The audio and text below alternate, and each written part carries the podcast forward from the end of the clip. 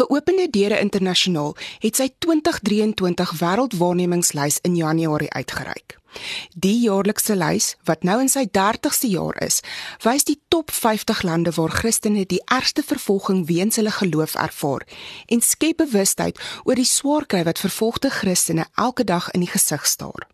In hierdie wêreldwye opname wat monitor hoe moeilik dit is om as 'n Christen te leef, wys die algehele tendens dat die vervolging van Christene teen 'n kommerwekkende tempo reg oor die wêreld toeneem, veral in Afrika.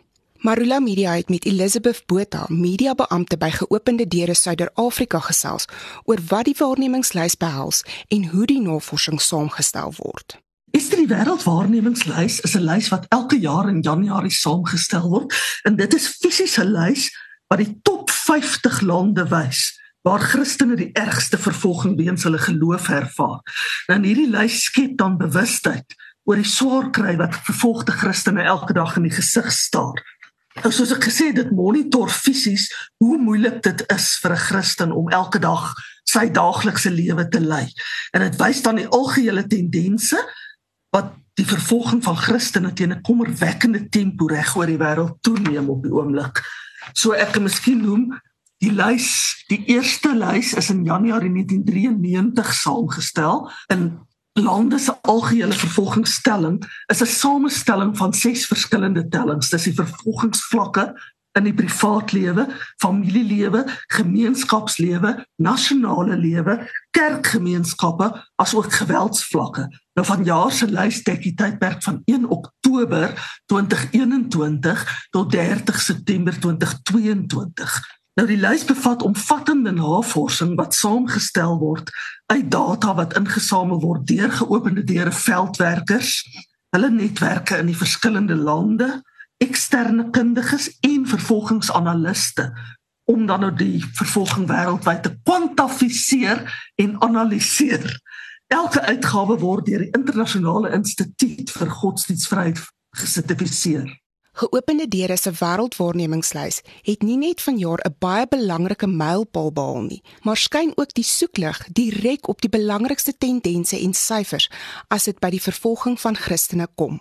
Is dit die groot mylpaal wat ons hierdie jaar of ek moet eintlik sê mylpaal tussen aanhalingstekens wat die lys hierdie jaar behaal het, is dis die 30ste jaar wat die lys vrygestel het. Dis van 1993 af gewees tot nou 2023 wat die 30ste keer is. Nou, jy weet as jy kyk hoe erg vervolging raak die afgelope paar weke byvoorbeeld was net die volgende goed groot goed waaraan ek vinnig kan dink wat in die nuusopskrifte was Minstens 17 mense is dood en nog so wat 20 beseer in 'n bomaanval by 'n kerk in die Noord-Kivu provinsie in die Demokratiese Republiek van die Kongo. So wat 50 vroue is tydens twee afsonderlike insidente in Burkina Faso ontvoer. Nog 'n kerkleier is in Niger Staat in Nigerië ontvoer en toe brutaal doodgemaak terwyl verskeie aanbidders in Katsina Staat in Nigerië ook ontvoer is. Nou die lys toon hierdie jaar dat van jaar die hoogste vlakke van vervolging het wat nog ooit aangeteken is sedert die lys 30 jaar gelede vir die eerste keer verskyn het. En dit het die afgelope paar jaar elke jaar 'n bestendige aanhoudende toename getoon. Vandag word meer Christene weens hulle geloof ontvoer, teengediskrimineer en vermoor as tydens enige ander tyd die afgelope 30 jaar. Nou die lys het bevind dat meer as 360 miljoen Christene uiterste of baie hoë vlakke van vervolging en diskriminasie weens hulle geloof ervaar. Dis 'n stygings van 20 miljoen sedert 2 jaar gelede. As jy hom dan nou verder afbreek, in die top 50 lande alleen staar 312 miljoen Christene nou baie hoë of uiterste vlakke van vervolging in die gesig. Hierdie syfer verteenwoordig een uit elke sewe Christene. Dit is op van 2 jaar gelede was dit een uit elke 8 Christene, nou is dit een uit elke 7 Christene.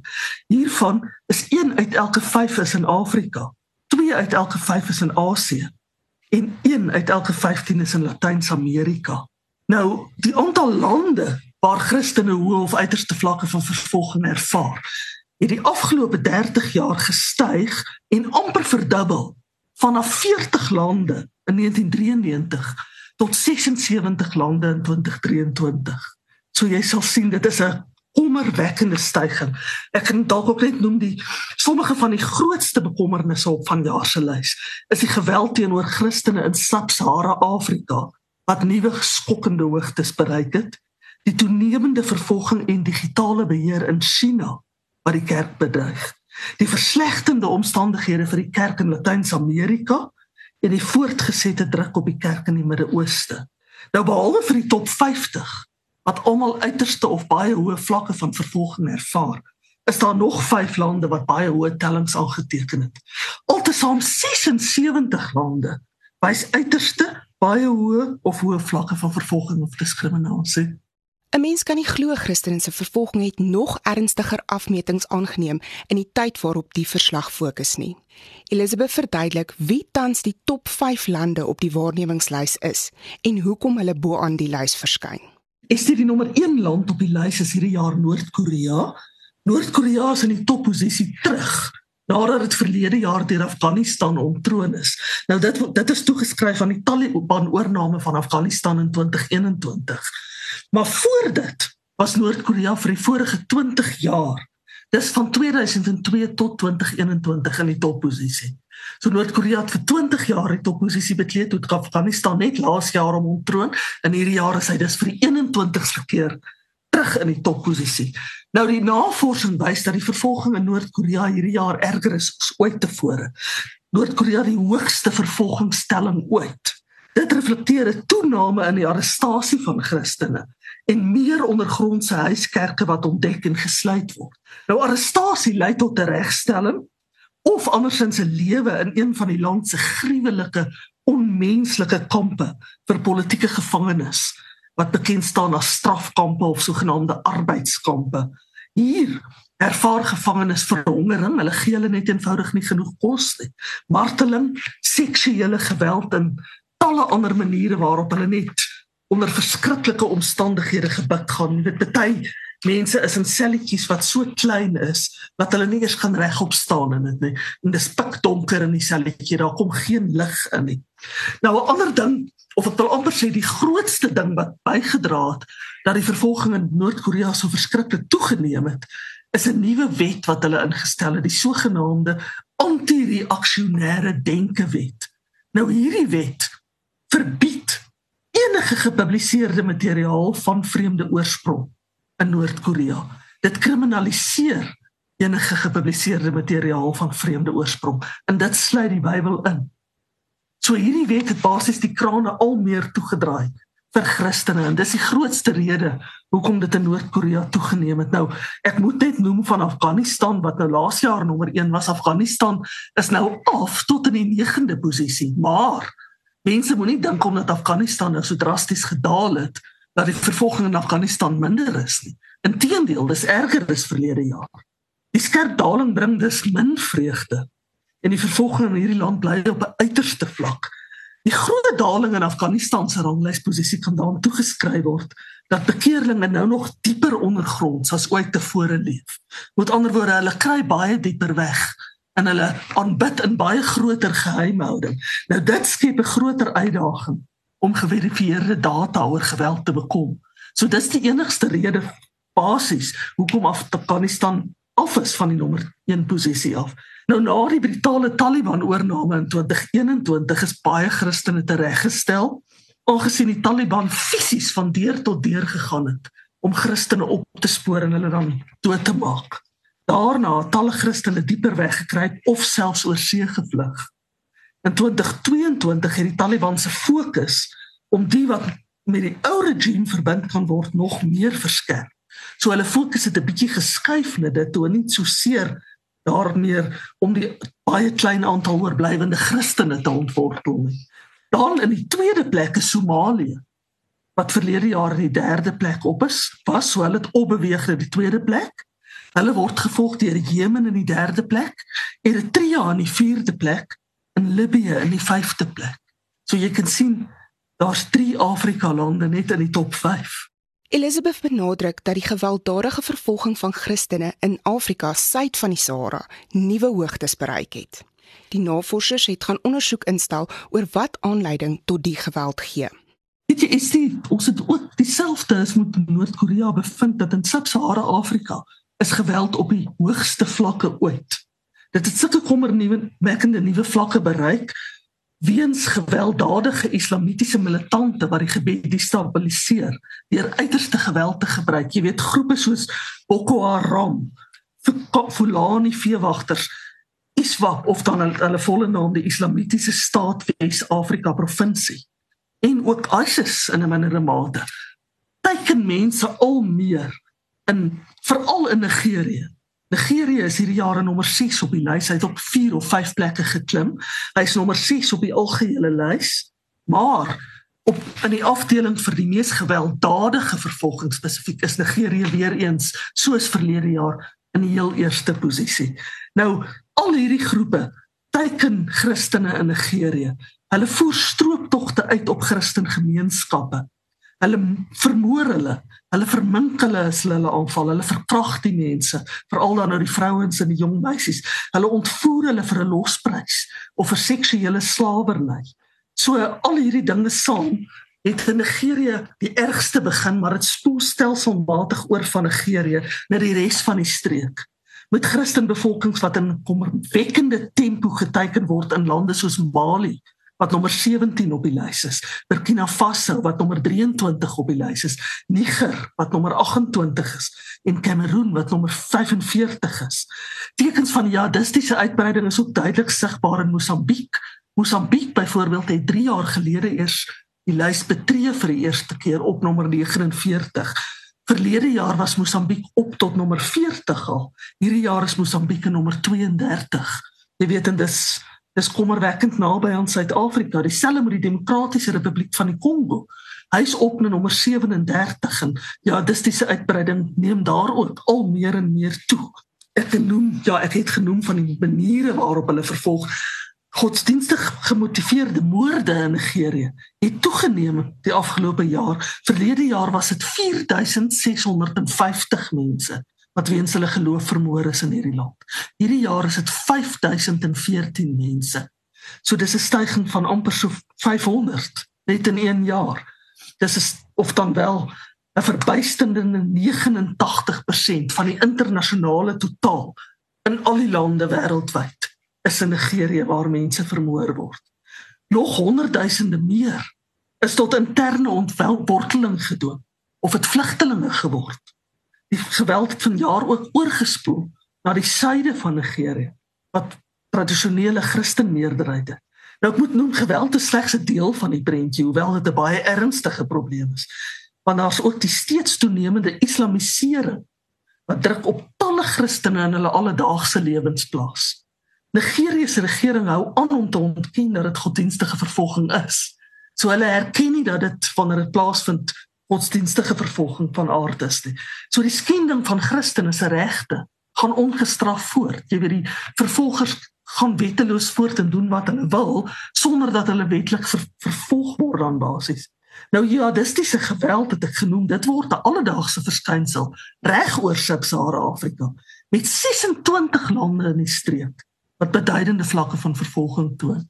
Die islamitiese terreurveld tog in hierdie streek word aangevuur deur 'n dodelike mengsel van mensenhandeling, verandering aan die politieke klimaat en 'n instroming van hier soldate vanaf die skare-agtige Kremlin ondersteunde Wagner groep.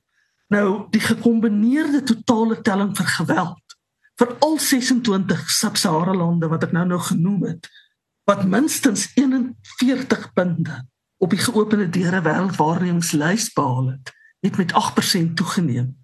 Die helfte van hierdie lande het geweldstellings in die uiters hoë rykwyte. Nog 'n bevinding uit navorsing vir die jongste waarnemingslys wat geopende deure bekommer, is die toenemende vervolging en digitale beheer in China wat Christene in hierdie land bedreig, sê Elizabeth. Ja, weet jy ongelukkig in China, ons beskryf dit amper as die dood van universele menseregte. China is nommer 16 op die lys hierdie jaar. Nou China dryf 'n internasionale veldtog om menseregte weg van die tradisionele universele begrippe te herdefinieer na sogenaamde subjektiewe regte tussen aanhalings soos bestaansreg, ontwikkeling en veiligheid. So met ander woorde, dit raak al meer 'n geval van dat die goed wat tradisioneel menseregte is en wêreldwyd as menseregte erken word, word daar word die oë net voor toegemaak en daar vind nie wettigheid plaas meer as gevolg van dit. En nou China smee 'n netwerk van nasies wat saam op soek is na die herdefinieering van menseregte, weg dan nou van die universele standaarde en van godsdienstvryheid af. Andersdenkende stemme soos die van Christene word dan wanneer hulle vervolg word ervaar as weer eens tussen onhalings moeilikheidmakers of sogenaamde terroriste wat natuurlik glad nie die geval is nie. China verstewig hulle greep op Christene met die bekendstelling van ingrypende nuwe reëls oor kerke se gebruik van die internet. Nou hierdie digitale vervolging is besig om 'n baie ernstige probleem te word in China en dit versprei. Dit versprei byvoorbeeld na lande soos Rusland wat nommer 61 op die lys is, Indië wat nommer 11 is, Sri Lanka nommer 62, Myanmar wat in die 14de plek is, Maleisië wat in die 43ste plek is en verskeie sentraal-Asiatiese state. So met ander woorde, al meer lande begin hierdie digitale vervolging toepas en dit dit is so groot probleem dat geopende deure later hierdie jaar ook 'n spesiale veldtog teen dit gaan loods. Nou, Christen minderhede wat teenkanting teen die nuwe regte tussen aanhalingstekens toon, deur te weier om die regerende party te ondersteun, kan gebrandmerk word as versteurders van vrede of soos ek genoem het as terroriste Hulle staar arrestasie, sloping van hulle kerkgeboue en die deregistrasie van hulle kerke in die gesig. In China het die ingrypende nuwe reëls oor kerke se gebruik van die internet die vryheid van die nasie se amper 100 miljoen Christene nog verder ingeperk. Intussen het Beijing nog meer sensorskap, disinformasie en uiterste monitering ingestel om sy beheer oor China se Christene en dan ander godsdienstige groepe te versterk opsporingstoepassings is bekend gestel. In baie van hierdie toepassings is oorspronklik bekend gestel om data oor COVID-19 in te samel, maar dit word nou weer opnuut gebruik om Christene te monitor. China en Rusland spesifiek het gewys dat hulle meer as gewillig is om die nodige tegnologie uit te voer na ander lande, as ook 'n aantal westerse maatskappye wat bereid is om hulle blind te hou vir die impak van hulle handeldrywery. Dan kortliks ander belangrike tendense die Christelike kerk in die Midde-Ooste hou aan om te kwyn. Na die oplewing van die Islamitiese staat sukkel die Christelike kerk om weer op sy bene te kom en dit is net nie in staat om te herstel nie. Ondanks 'n vermindering in die aantal Christene wat die afgelope jare doodgemaak is. Ons kyk daarna byvoorbeeld 'n land soos Sirië wat nommer 12 op die lys is hierdie jaar wat die afgelope tyd weer 'n vlaag gewelddadige insidente ervaar het. Nog 'n Latyns-Amerikaanse land het hierdie jaar die lys betree, dis Nicaragua op nommer 50. Nou in Latyns-Amerika word direkte regeringsonderdrukking teen Christene wat as oppositiestemme gesien word, volop toegepas. Veral dan nou in Nicaragua, Venezuela wat nommer 64 op die lys is en Cuba nommer 27 op die lys waar Christenleiers sonder 'n verhoor in die tronk gegooi is vir hulle aandeel in verlede jaar se demonstrasies. Dis nou in Cuba spesifiek. In baie Latyns-Amerikaanse lande seefuur georganiseerde misdaad. En kriminele groepe is die drywers van vervolging teen Christene. Omdat hierdie Christene spreek hulle dit dikwels uit teen die misdaadkartelle se aktiwiteite. So die misdaadgroepe sien hulle dan as oppositie wil ek amper sê, veral in landelike gebiede. 'n Klein pluspunt in 'n paar lande het die aantal Christene wat weens hulle geloof doodgemaak is effens afgeneem. En die totaal het so klein bietjie verminder van 598 588000 gevalle na 5898 gevalle tot 5621 gevalle. Met Sub-Sahara as die duidelike Sub-Sahara Afrika as die duidelike uitsondering. Daar het dit toegeneem soos ek vroeër genoem het.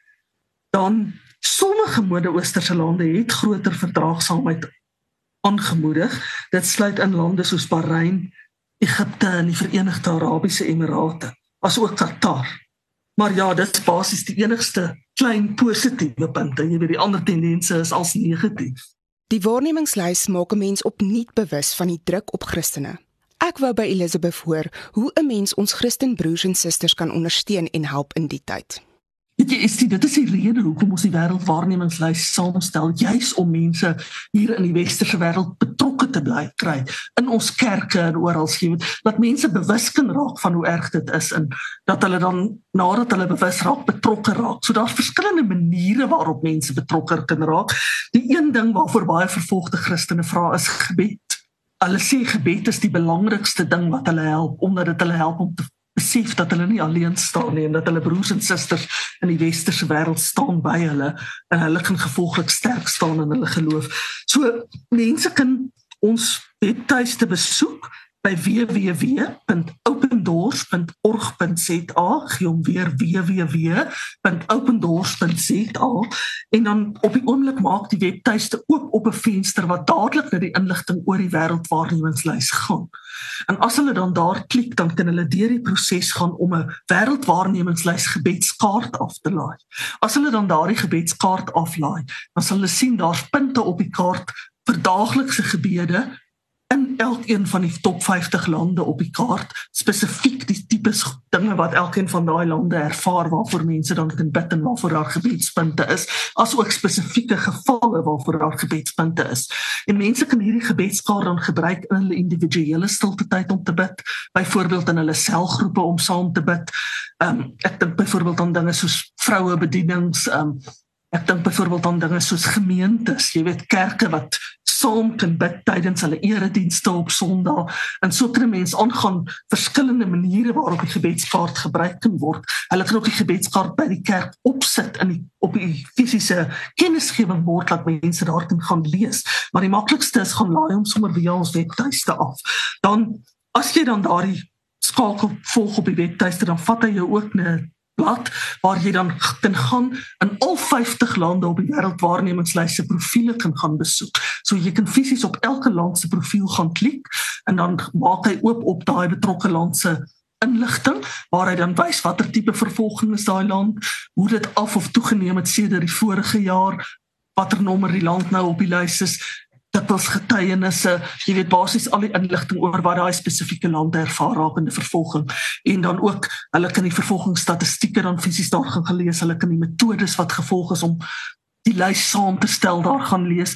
En dan is daar ook ander maniere behalwe nou om die gebedskaart af te laai. Hulle kan ook byvoorbeeld klik op 'n skakel onder ons geskenke van hoop afdeling op die webtuiste om die top 10 lande op die lys finansiëel by te staan of talle ander maniere jy weet met die finansiële bystaan dan ook kan hulle klik op verskillende opsies waarop hulle kan bystaan vir verskillende sake en verskillende bedrae en dan ander maniere soos reis na die vervolgde kerk ensovoorts